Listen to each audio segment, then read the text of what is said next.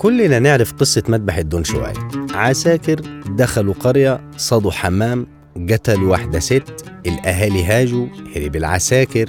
مات واحد منهم بضربة شمس وكان عطشان. الفلاح زجاه دخل الإنجليز عليهم. لقيوا الظابط مات فقتلوا الفلاح.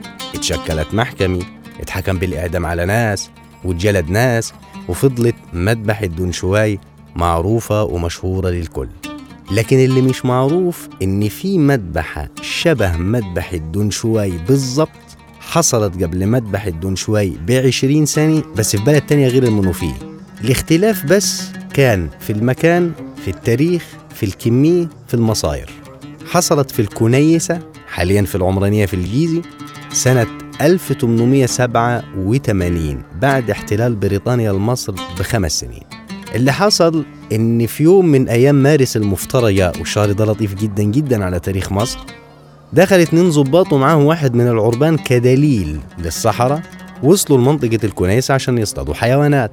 ضربوا نار الأهالي طبعا اتضايقوا هاجوا عليهم حبوا ياخدوا سلاحهم فقام واحد من الظابطين دول ضرب طلقة جت في واحد خلصت عليه. دارت العركة وخلصت بإصابة خمس أشخاص وجت الشرطة هيمت القرية وقبضت على 47 واحد وقرروا يحاكموهم لجنة محكمة الكنيسة كانت بتتكون من مدير مديرية الجيزي شفيق منصور بيه كوكيل وممثل للنيابي إلى جانب أحد قادة ورموز القنصلية الإنجليزية. المتهمين كانوا 47 واحد 45 مزارع واثنين من مشايخ البلد اللي من ضمنهم شيخ بلد الكنيسي انتهت المحكمة وطلعت أحكام متفاوتة. حكمت مثلا بفصل شيخ بلد الكنيسة وفصل شيخ البلد اللي جنبها من مناصبهم. شيخ بلد الكنيسة يتسجن ست شهور وشيخ البلد التاني يتجلد 25 جلدة قدام الأهالي. حكمت على أربعة من كبار السن بالحبس 8 أيام وغرامة من 8 جنيه ل 10 جنيه. حكمت كمان بحبس وجلد باقي المتهمين ال 41 ما بين 20 ل 30 جلدي والحبس ما بين 3 أيام و3 شهور. للتاريخ هنستعين بعدد جريدة الأهرام يوم 13 إبريل سنة 1887 ونقول أبرز أسماء المزارعين دول. ماهر رسلان 30 جلدة وحبس 15 يوم.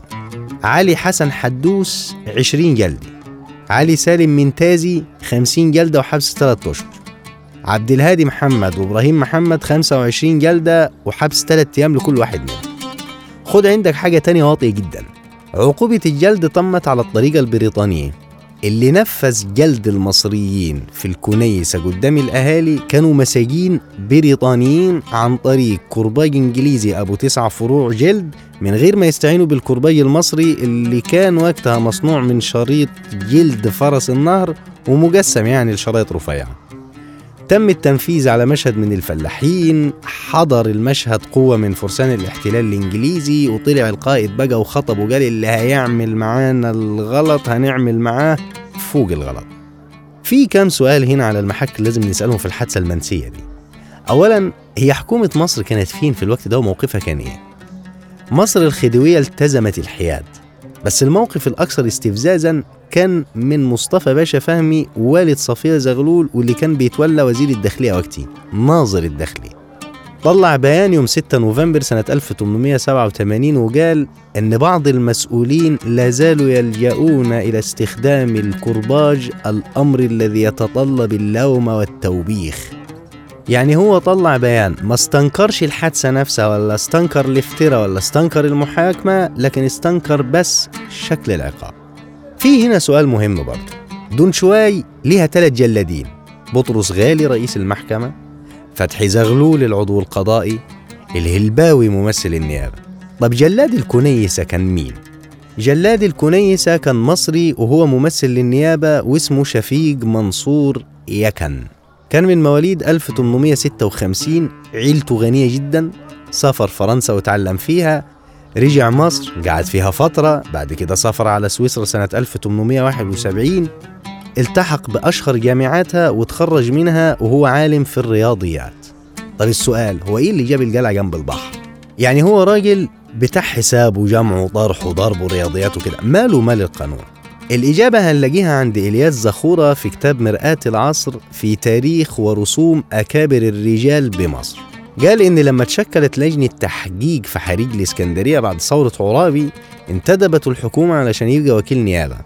وده اللي خلاه يبقى قاضي في محكمة الاستئناف ورئيس لنيابتي بعد محكمة الكنيسة استقال شفيق منصور من النيابة. ما تعرفش بقى عشان ضميره وجعه ولا علشان ضغوط عليه من أهله.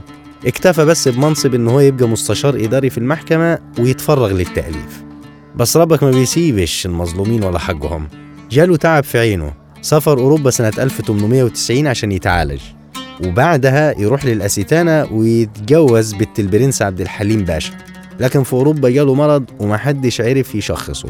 فضل ينازع لحد ما مات سنة 1890 وهو عنده 34 سنة. في سؤال ملح. طب هو إيه سبب شهرة دون شواي عن حادثة الكنيسة رغم إن الكنيسة كانت قبلها أصلا وبعد الاحتلال بكام سنة يعني ما تعديش خمس سنين؟ السؤال ده ممكن نلاقي إجابته عند الدكتور يونان لبيب رزق في الجزء الثاني من كتاب الأهرام ذاكرة مصر المعاصرة. قال إيه بقى؟ السبب في تقديرنا أن حادثة دونشواي جرت في ظروف تاريخية مختلفة عن شقيقتها الصغرى قصد الكنيسي.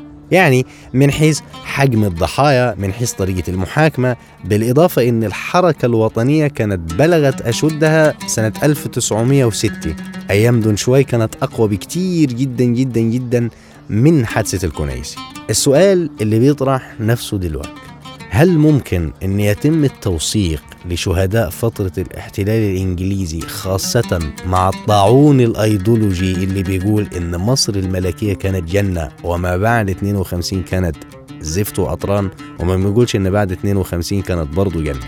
لكن هل فعلا ممكن نوثق للشهداء خلال فترة الاحتلال البريطاني؟ يدينا ويديكم طول العمر والتراب لمام.